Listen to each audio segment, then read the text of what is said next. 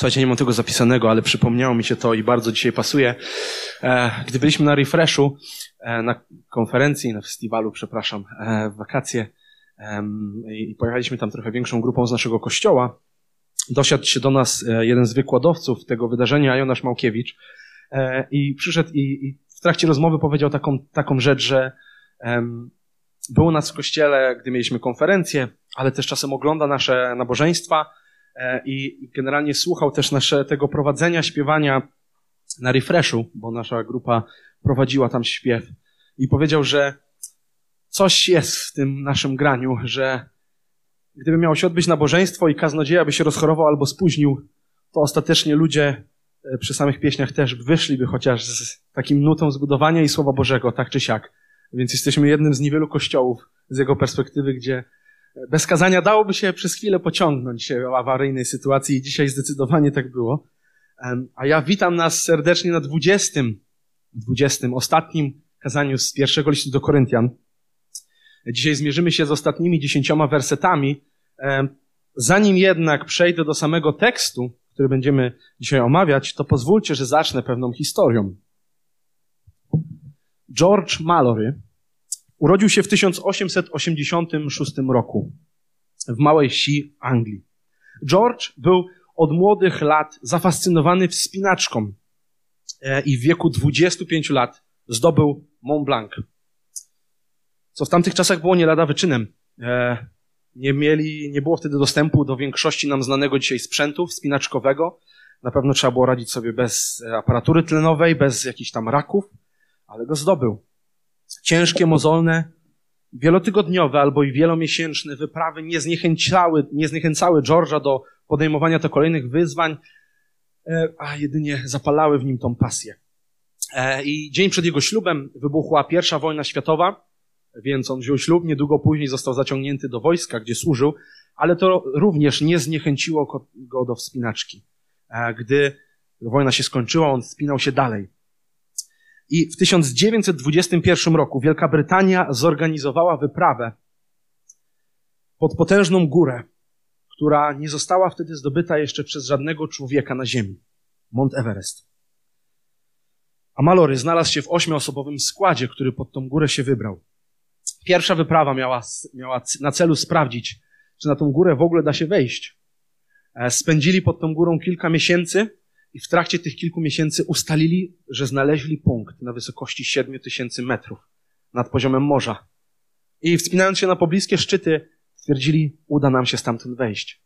Wrócili więc do domu i zaczęli zbierać pieniądze na kolejną wyprawę, wiedząc, że w przyszłym roku może uda im się zdobyć górę, która była wtedy najwyższą górą świata i dzisiaj również nią jest. E, ale tak wtedy, jak badali te mapy, to w takim wychodziło i rzeczywiście zgadli. Więc rok później wrócili pod górę Mount Everest i tym razem, mając informacje z zeszłego roku, zaczęli się wspinać. I po paru miesiącach przygotowań, a później kilku tygodniach samej wspinaczki do góry, zdobyli nie sam szczyt, ale rekord wysokości, którym było 8223 metry. I gdy stwierdzili, że nie da się iść dalej, zawrócili, wyczerpani, zaczęli schodzić w dół. Trójka e, tych, którzy mieli zdobyć szczyt, była przewiązana liną i ostatni z nich z powodu ciśnienia, braku tlenu, wyczerpania zemdlał. Pośliznął się i zaczął staczać się w dół. Niczego nieświadomy drugi członek wyprawy, przywiązany liną, został pociągnięty i zaczął znowu jechać w dół, razem z tym trzecim. Ale będąc świadomy, krzyknął. Malory w ciągu kilku sekund, które miał, od razu zawiązał sznur, którym był przywiązany do czekana, którego miał w ręce, takiego kija zakończonego ostrym końcem i wbił go w śnieg. Dwie sekundy później cała trójka wisiała na tym czekanie, który w jakiś sposób wytrzymał to wszystko. Ten prawie śmierć nie zniechęciła go do gór. E, I trochę podłamany brakiem zdobycia szczytu, wrócił do Anglii, znowu planując kolejną wyprawę.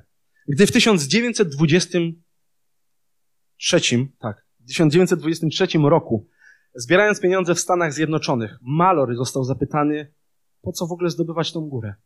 Po co on w ogóle tam wchodzi? Jaki jest sens tego wszystkiego? I wtedy powiedział on słowa, które są znane w całej jakby community, czyli po polsku społeczności wspinaczkowej, przepraszam, w całej społeczności wspinaczkowej do dzisiaj. I odpowiedział, because it's there, ponieważ tam jest. I do historii Malorego wrócimy jeszcze na koniec. I tak jak mówiłem, dzisiaj będziemy czytać ostatnie 10 wersetów pierwszego listu do Koryntian, 16 rozdziału, dlatego zachęcam, otwórzcie swoje Biblię, jeżeli je macie, a jeżeli nie, to aplikacje w telefonach i pozwólcie, że przed tym się pomodlę. Dobry Boże, proszę Cię, nie daj mi powiedzieć nic, co nie jest zgodnego z Twoim słowem, Boże. Daj nam dostrzec e, Twoje piękno, Twoją chwałę, Twoją łaskę e, i proszę Cię, Boże, żeby Twoje imię było wywyższone przez ten czas, kiedy będziemy czytać Twoje słowo i e, słuchać tego kazania. Amen.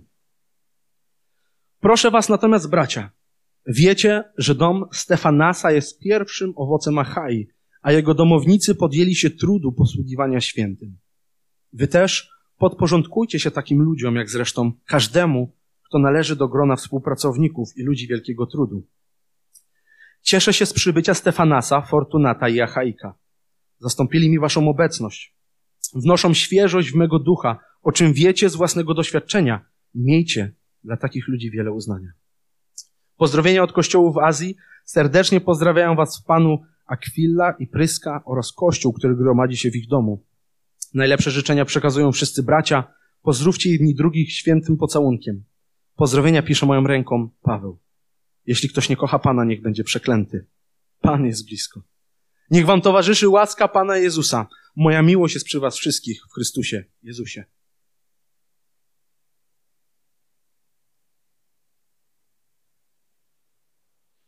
I pierwsze, co chcę zrobić, to przeprowadzić nas przez cały list. Jest to ostatnie kazanie podsumowujące troszeczkę całe 16 rozdziałów, także pozwólcie, że pokrótce przypomnę albo powiem, o czym były. Więc w pierwszym rozdziale listu do Koryntian Paweł rozpoczyna od pokazania Koryntianom swojej tożsamości, którą ma w Chrystusie.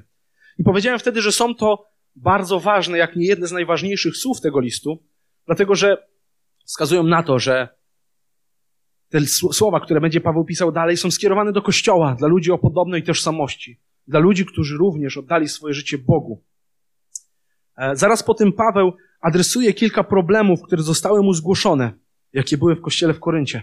Brak jedności, faworyzowanie liderów, e, rozwiązość seksualna, brak napomnienia i wykluczenia w Kościele, branie udziału w pogańskich świętach, w pogańskich praktykach i jedzenie mięsa poświęconego bożkom. Bardzo trudne tematy, które nie są ekskluzywne dla pierwszego wieku. Każdy z nich w pewnym sensie dotyka nas dzisiaj, może nie bezpośrednio, bo nie poświęcamy jedzenia bożkom, ale e, zachęcam do odsłuchania tych kazań. Ale na tym, na czym się Paweł skupia przede wszystkim wtedy, to wolność. Wolność, która jest w Chrystusie. Kładzie również bardzo duży nacisk na braci i siostry w Chrystusie, dla których Koryntianie mieli być świadectwem. Tą wolność mieli wykorzystywać do rzeczy, które budują i są pożyteczne. Cała ta sekcja kończy się wspaniałymi słowami, a zatem cokolwiek jecie lub pijecie, albo cokolwiek czynicie, wszystko to czyńcie na chwałę Boga. Nie ma sakrum i profanum. Nie ma jakiegoś specjalnego miejsca, w którym tylko uwielbiamy Boga, a później wracamy do naszego życia, w którym Boga nie ma. Czy jecie, czy pijecie. Wszystko na chwałę Bożą. Dalej Paweł pokazuje, co Bogu konkretnie się podoba, jeżeli chodzi o jego kościół, o zgromadzenia tego kościoła. Jakie role mamy w kościele? Jak powinna wyglądać wieczerza pańska na, na pamiątkę śmierci Jezusa? Co Bogu się podoba, jeżeli chodzi o Ducha Świętego w kościele? I na samym środku tej sekcji do kościoła dostajemy piękny trzynasty rozdział, który znany jest chyba wszystkim, którzy cokolwiek o chrześcijaństwie słyszeli. Hymn do miłości wspaniały, e, o miłości, która jest największym darem tego ducha. Dużo praktycznych zasad, które możemy jeden do jeden zastosować do dzisiaj, ale to nie jest sednem tej sekcji, żeby przenieść to, jak było wtedy i zrobić dzisiaj. Ale kluczowy aspekt, który podkreśla Paweł, to, że wszystko ma się dziać w sposób godny, uporządkowany, a przede wszystkim w miłości. I rozdział 15. Wraca Paweł do korzeni, przypomina Ewangelię i wskazuje na wagę zmartwychwstania. Jest to, że zmartwychwstanie jest faktem i że bez zmartwychwstania jesteśmy najbardziej pożałowania godni jako chrześcijanie. Chrześcijaństwo bez zmartwychwstania Jezusa nie ma sensu. I Paweł również mówi tam o naszym zmartwychwstaniu i o tym, co się stanie na sądzie ostatecznym. A ostatecznie w szesnastym rozdziale Paweł ostrzega Koryntian, mówi im, żeby czuwali, ale również wskazuje na miłość. I tak właśnie docieramy do dzisiejszego tekstu. Ostatnich słów Pawła w pierwszym liście do Koryntian. I możemy go podzielić na trzy części. Od wersetu 15 do 18. Widzimy dom Stefanasa, który jest przykładem chrześcijańskiego życia, czy samego nawet Stefanasa, który jest przykładem. Dalej w wersetach 19 i 20 czytamy o tym, jak wierzący z kościołów domowych serdecznie pozdrawiają Koryntian. I Paweł kończy tym, o czym cały ten list w gruncie rzeczy jest. Miłość do Boga jest najważniejsza, a z niej wynika miłość do ludzi. No więc od początku. O domie Stefanasa możemy przeczytać już w pierwszym rozdziale naszego listu. Paweł tam się cieszy z tego faktu, że nikogo z Koryntian nie ochrzcił. Żeby nie mieli prawa do tego, żeby się przechwalać między sobą. Mówi, cieszę się, że nikogo nie ochrzciłem, no chyba poza domem Stefanasa. I z źródeł historycznych e, wiemy, że w połowie pierwszego wieku w Koryncie, w tym czasie, kiedy ten list był do nich pisany, w Koryncie pojawił się problem z jedzeniem. To znaczy po prostu go brakowało. Niektórzy twierdzą, że dlatego właśnie Paweł tak dużo o jedzeniu w swoim liście wspomina. Dlatego, że to był realny problem dla Koryntian tam, w tamtym momencie. Jak wiemy, w przypadku dowolnego problemu tego typu, jak brak jedzenia, lub jakaś klęska, katastrofa, pożar, trzęsienie ziemi, kluczową rolę w takich sytuacjach odgrywa dom. Dom, który jest w stanie usłużyć nie tylko najbliższej rodzinie, nie tylko oryginalnym domownikom, ale dom, który otwiera swoje drzwi i zaprasza do środka nawet obcych ludzi, żeby im pomóc. Najbliższym nam teraz przykładem było otwarcie domów w Polsce, gdy wybuchła wojna na Ukrainie. Jaka była pierwsza potrzeba ludzi? Oczywiście jedzenie, ale bardzo szybko poczucie bezpieczeństwa, tego, żeby gdzieś być, być zaopiekowanym, a nie tylko, żeby gdzieś kogoś przenocować. I Stefanas widzimy, że podejmuje się takiej służby, otwarcia swojego domu. Jest to jedna z trudniejszych służb. I taka, która nie stoi gdzieś na froncie. Nie jest to reprezentatywna służba jak pierwszy pastor, lider służby uwielbienia, przewodniczący Rady Zboru. Ciężko stworzyć też jakieś struktury, jakby to podzielić. No może poza tym, że głową tego domu ma być ojciec, no ale to dalej musi być dom, a nie korporacja albo noclegownia. I Paweł na koniec swojego całego listu wyciąga tą służbę i podkreśla jej wagę. Wskazuje Stefanasa jako człowieka wielkiego trudu, który należy do grona współpracowników Pawła. I niesamowite jest to, co czytamy dalej. Czyli, że Stefanas razem z Fortunatem i Achajkiem odwiedzili Pawła i wnieśli świeżość w jego ducha. Dlatego mówię, że to niesamowite, bo pomimo tego trudu, który Stefanas doświadczył w swoim domu, na pewno nie brakowało chętnych do pomocy, niezależnie od tego, czy był głód, czy nie. To jest naprawdę wyzwaniem wpuścić ludzi do swojego domu, tak że on przestaje być tylko twoim domem. I pomimo tego trudu, on postanawia wyjechać z tego domu, odwiedzić Pawła, ale nie tylko po to, żeby zaczerpnąć zachęty, ale to on go zachęca.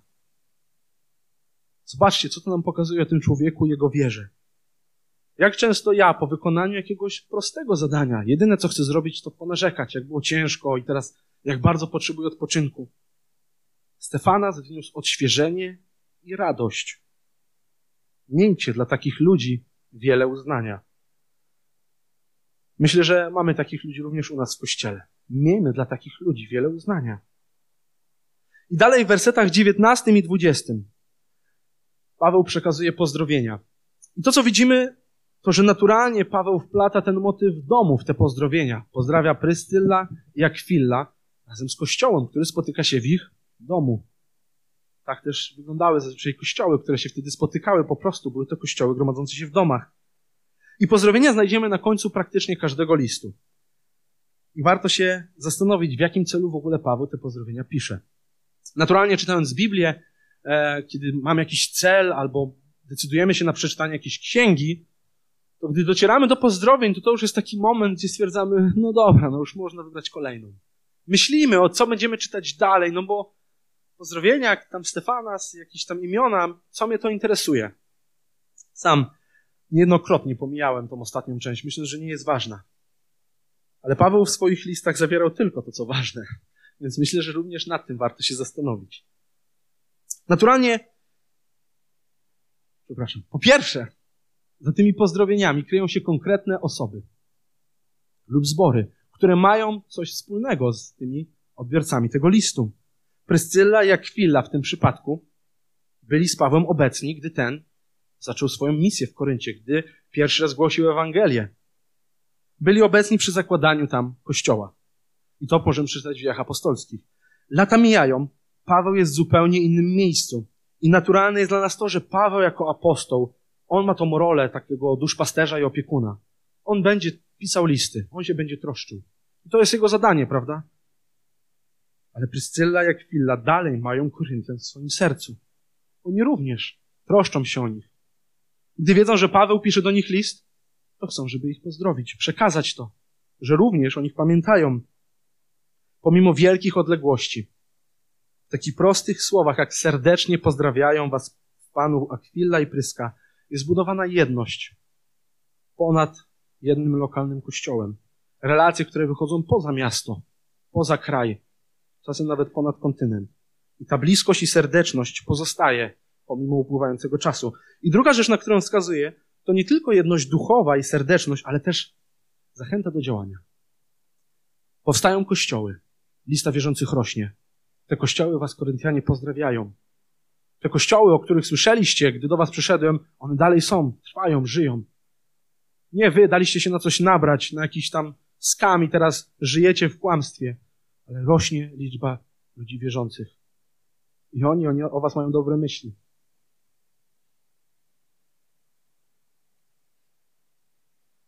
Dwa proste wersety, przynoszą tyle radości. Gdy pomyślimy szeroko, wychodząc poza ramy mojej najbliższej grupy, poza ramy mojego nawet lokalnego kościoła, poza ramy miasta, kraju, a nawet kontynentu, to możemy poczuć wiatr zachęty z zupełnie innej strony. Coś, czego nie jesteśmy w stanie dostać od ludzi tylko w naszym najbliższym otoczeniu. Ludzie, którzy służą Bogu, pomimo tego, że w ich kraju są prześladowania. Kościoły, które z wdzięcznością cieszą się, wiedząc, że może ich czekać za to śmierć. Możemy słyszeć o tym, że na Pacyfiku, gdzieś tam, na jakichś wyspach, nawracają się plemiona. Misjonarze przyjeżdżają. Nagle się okazuje, że wszyscy oddają swoje życie Bogu. Możemy słyszeć o tym, że w Niemczech, w tym kraju, nie zacofanym, ale takim z dobrobytem cywilizowanym, również ludzie się nawracają, ludzie służą. Możemy słyszeć, że na Ukrainie Pan Bóg działa, pomimo wojny. I możemy słyszeć, że w Rosji również Pan Bóg działa. Bracia, siostry, patrzmy szerzej. Sięgnijmy po tą zachętę, którą w prosty sposób jest dla nas dostępna. Bóg działa wśród nie tych tu zebranych osób, nie wśród wąskiej grupy w Poznaniu, ale wśród miliardów ludzi na całej ziemi. Wiecie, dzisiaj są w kościele z nami Marta i Phil. Wiedziałem, że będą, dlatego to wpisałem. Ale są i służą na co dzień w Turcji. Zachęcam. Pójdźcie z nimi porozmawiać, jakie Pan Bóg robi wielkie rzeczy. Tysiące kilometrów stąd, gdzie nie można się spotkać w takim budynku. Bo tak naprawdę większości budynków nie ma. Zabierzcie ze sobą pozdrowienia tam. Ale samo pokazanie, że takich ludzi jak Stefanas, którzy otwierają swoje domy, jest więcej i że kościoły powstają i się budują, nie jest wystarczające. My jako ludzie ostatecznie nie potrzebujemy większej zachęty. Nie trzeba nas jeszcze bardziej popchnąć do działania i, i, i to już będzie to, co utrzyma nas w służbie. Szukanie tej zachęty rzeczywiście może pomóc, ale ostatecznie jest samo w sobie jak zapałka, która szybko da ogień, szybko się rozpali. I nawet przez chwilę coś tam zapłonie, ale za, za moment zniknie. To nie jest coś, co utrzyma się długo. I tutaj przechodzimy do ostatniej części tekstu, do słów, które Paweł napisał własnoręcznie. W dziejach apostolskich w 14 rozdziale czytamy o tym, że Paweł, będąc w listrze, został ukamienowany za to, że głosił Ewangelię. Ludzie wzięli kamienie i rzucali w niego tak długo, aż myśleli, że umarł. Ciekawie w ogóle się patrzy na radość i wdzięczność, którą Paweł później ma, ale nie, Paweł jednak przeżył, nie zmarł, pomimo tego, że wszyscy myśleli, że umarł. Nie obyło się jednak bez konsekwencji. Prawdopodobnie wtedy rozpoczął się problem ze wzrokiem Pawła. Dlatego uwaga, teraz szok. Paweł nie pisał swoich listów, tylko ktoś pisał je za niego, on po prostu je dyktował. Ale rzeczywiście na koniec listu bardzo często e, zostawiał swój podpis. Że to ja, Paweł. Tutaj zostawił troszeczkę więcej niż tylko podpis. Wziął sprawy w swoje ręce i napisał ostatnie słowa. Zakończenie od samego Pawła. Jeśli ktoś nie kocha Pana, niech będzie przeklęty. Zdecydowanie widzimy, że te miłe i sympatyczne pozdrowienia, które były przed chwilą, to uczucie radości jakoś tak nagle pękło. One nie są skierowane, to pozdrowienia do ludzi, którzy nie kochają Pana. I wiecie, Paweł w jeszcze jednym liście używa tak mocnych słów.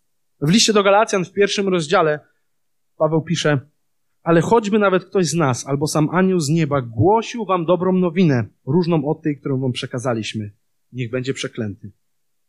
Jak powiedzieliśmy przedtem, tak teraz powtarzam, jeśli ktoś wam głosi dobrą nowinę, różną od tej, którą już przyjęliście, niech będzie przeklęty.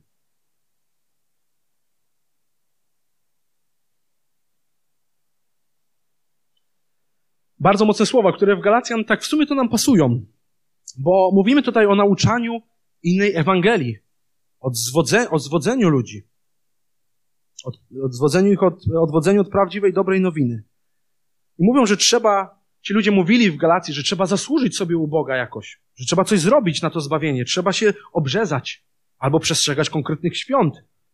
Może zapracować tak, żeby tą łaskę u Boga zdobyć. Ale każdy, kto nie kocha Pana, niech będzie przeklęty? Gdy się nad tym zastanowimy, to to w gruncie rzeczy jest to samo. W tych ostatnich słowach tego listu dostajemy to, co jest najważniejsze, jeżeli chodzi o codzienne życie chrześcijanina. Paweł sprowadza całą Ewangelię, całe chrześcijaństwo, całe swoje życie do jednej rzeczy miłości do Boga. To jest pierwsza, najważniejsza rzecz. Więc jeżeli ktoś nie kocha Boga, to zawsze będzie głosił inną dobrą nowinę. Albo sobie, mówiąc, że trzeba coś zrobić, albo innym. Dlaczego? Dlatego, że nie rozumie prawdziwej Ewangelii. Jezus zapytany, jakie jest największe przykazanie, to znaczy jaka jest najważniejsza zasada, którą powinniśmy przestrzegać z tego całego zbioru zasad ze Starego Testamentu. Niezależnie ile tych zasad naliczymy, czy weźmiemy 10 przykazań, czy kilkaset zasad, które mieli wtedy. W Mateusza 22 rozdziale, w Ewangelii Mateusza 22 rozdziale odpowiada takie słowa. Masz kochać Pana, swojego Boga, całym swoim sercem, z całej swojej duszy i każdą swoją myślą. To jest najważniejsze i pierwsze przykazanie.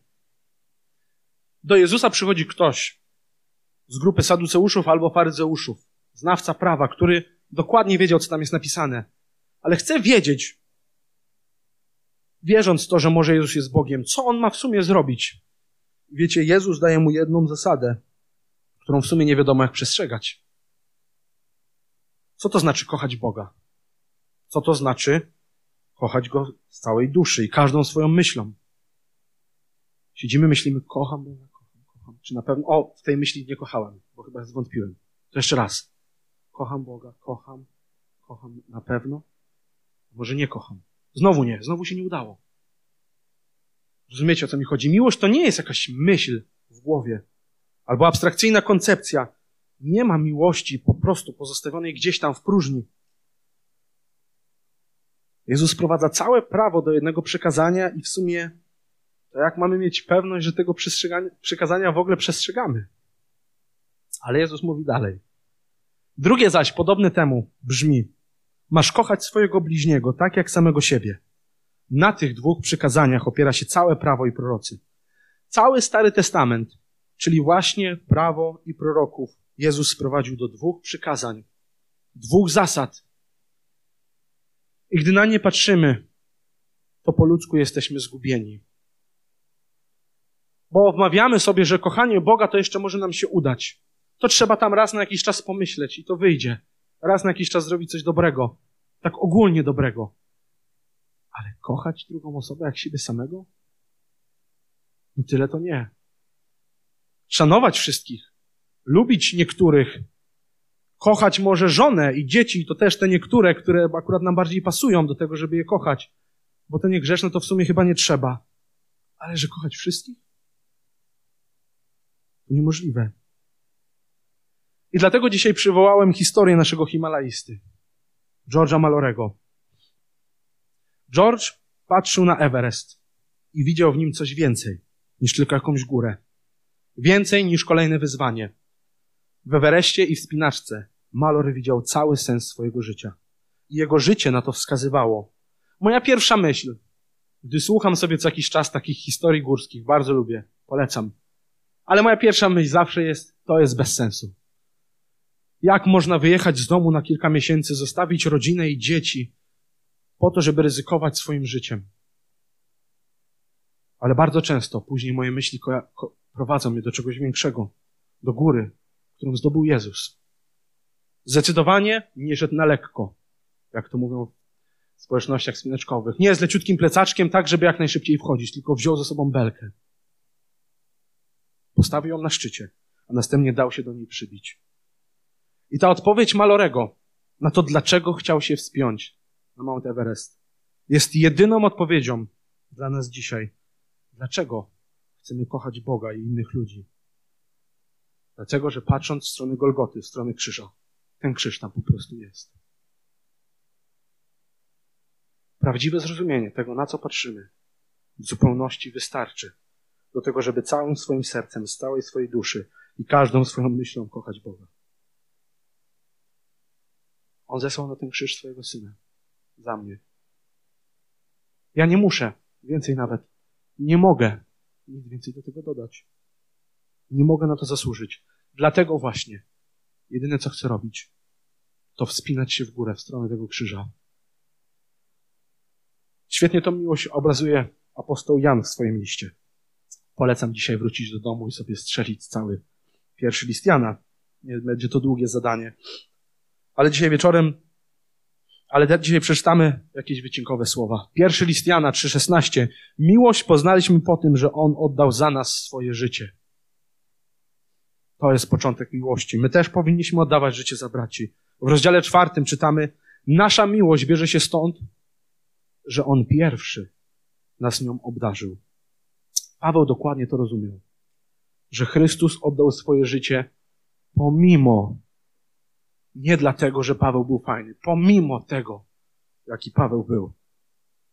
Dlatego chce kochać Boga i dlatego będzie miłował nawet swoich wrogów, jak siebie samego. Koryntianie, powtarzałem to wielokrotnie w trakcie omawiania tego listu, byli niewygodnym kościołem, niepokornym, generalnie zasługiwali chyba jedynie na to, żeby na nich nakrzyczeć i pojechać tam, zamknąć ten zbór i powiedzieć, rozchodzicie się. A od Pawła dostają list, w którym najwięcej przeczytamy o miłości. I tą miłością Paweł kończy ten list. Niech wam towarzyszy łaska Pana Jezusa. Moja miłość jest przy was wszystkich w Chrystusie Jezusie. Malory powiedział jeszcze jedną rzecz. On to powiedział a wspinaczki, ale ona wspaniale pasuje jeżeli je użyjemy w kontekście chrześcijaństwa. To, co daje nam ta przygoda, to po prostu czysta radość. A radość jest przecież końcem życia. Nie żyjemy po to, żeby jeść i zarabiać pieniądze. Jemy i zarabiamy, żeby móc się cieszyć życiem. O to, co oznacza życie i po co jest życie.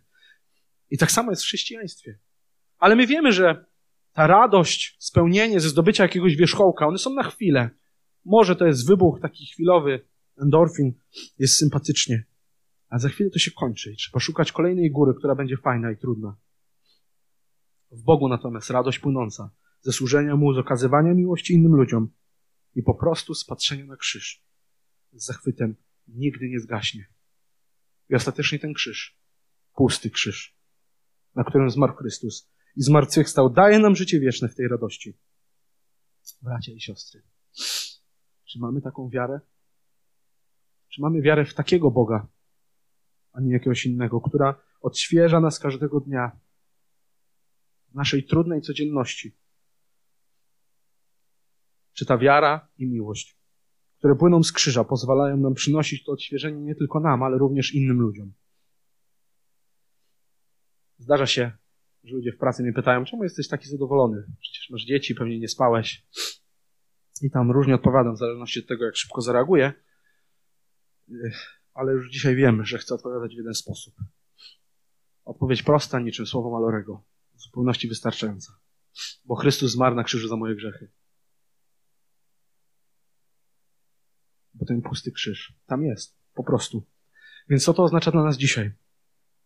Po pierwsze, okazujmy miłość i szacunek ludziom, którzy oddali wszystko na służbę Bogu w naszym kościele, otworzyli swoje domy. W ich mentalności nie istnieje coś takiego jak czas dla nich. Trzeba końmi czasem zaciągać ich na jakieś wolne, albo żeby nie myśleli o służbie. Znam takich ludzi. Wierzę, że wy również. Jak tą miłość im konkretnie okazać, zostawiam wam. Po drugie, troszczmy się i pamiętajmy o naszych braciach i siostrach, którzy nie są z kościoła na skalę. Módlmy się o inne kościoły, które są nam blisko, o wierzących, którym kibicujemy w ich służbie. Pamiętajmy o misjonarzach, od których dostajemy regularnie newslettery, które pewnie już powoli u niektórych z nas trafiają do spamu, bo ich nie czytamy.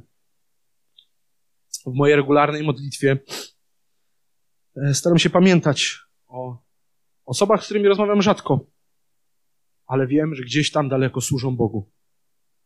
Co jakiś czas daję tylko znać, że się o nich modlę. W jaki sposób wy będziecie o tym pamiętać, o tych ludziach i się o to troszczyć, to już zostawiam wam. Ale polecam to zaplanować. I na koniec, naprawdę, uciekajmy od Ewangelii Plus.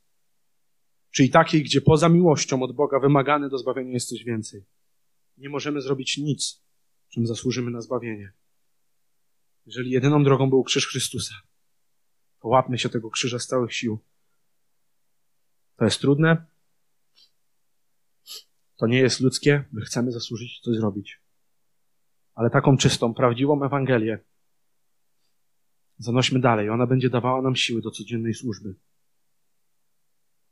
I my, wbrew naszej naturze, możemy dać im się poznać po miłości i radości. Pewien starszy człowiek wrócił po kilkudziesięciu latach służby w innym kraju, był na misji, wrócił do domu do Anglii. I tam mieszkał na starość, w małym domku na wsi. Domek był na tyle mały, że na dole był jeden pokój z kuchnią, a łazienka i sypialnia były u góry. A on, coraz starszy, miał problemy z wchodzeniem do góry po stopniach. Pewnego dnia postanowił, że u góry, na prost schodów, przybije sobie tabliczkę. To nie jest wymyślona historia, tylko prawdziwa. I na tej tabliczce napisał sobie coś, co będzie go zachęcało do wchodzenia. Napisał tam die climbing, umrzyj wspinając się do góry. I do tej codziennej wspinaczki, w świętości, w okazywaniu miłości, w robieniu trudnych rzeczy dla Boga i od Niego, zachęcam każdego z nas. Powstańmy. A ja Wam życzę tego, żebyście każdego dnia trzymali się Ewangelii, która jako jedyna ma moc odświeżać naszego ducha tą świeżość zanośmy na cały świat.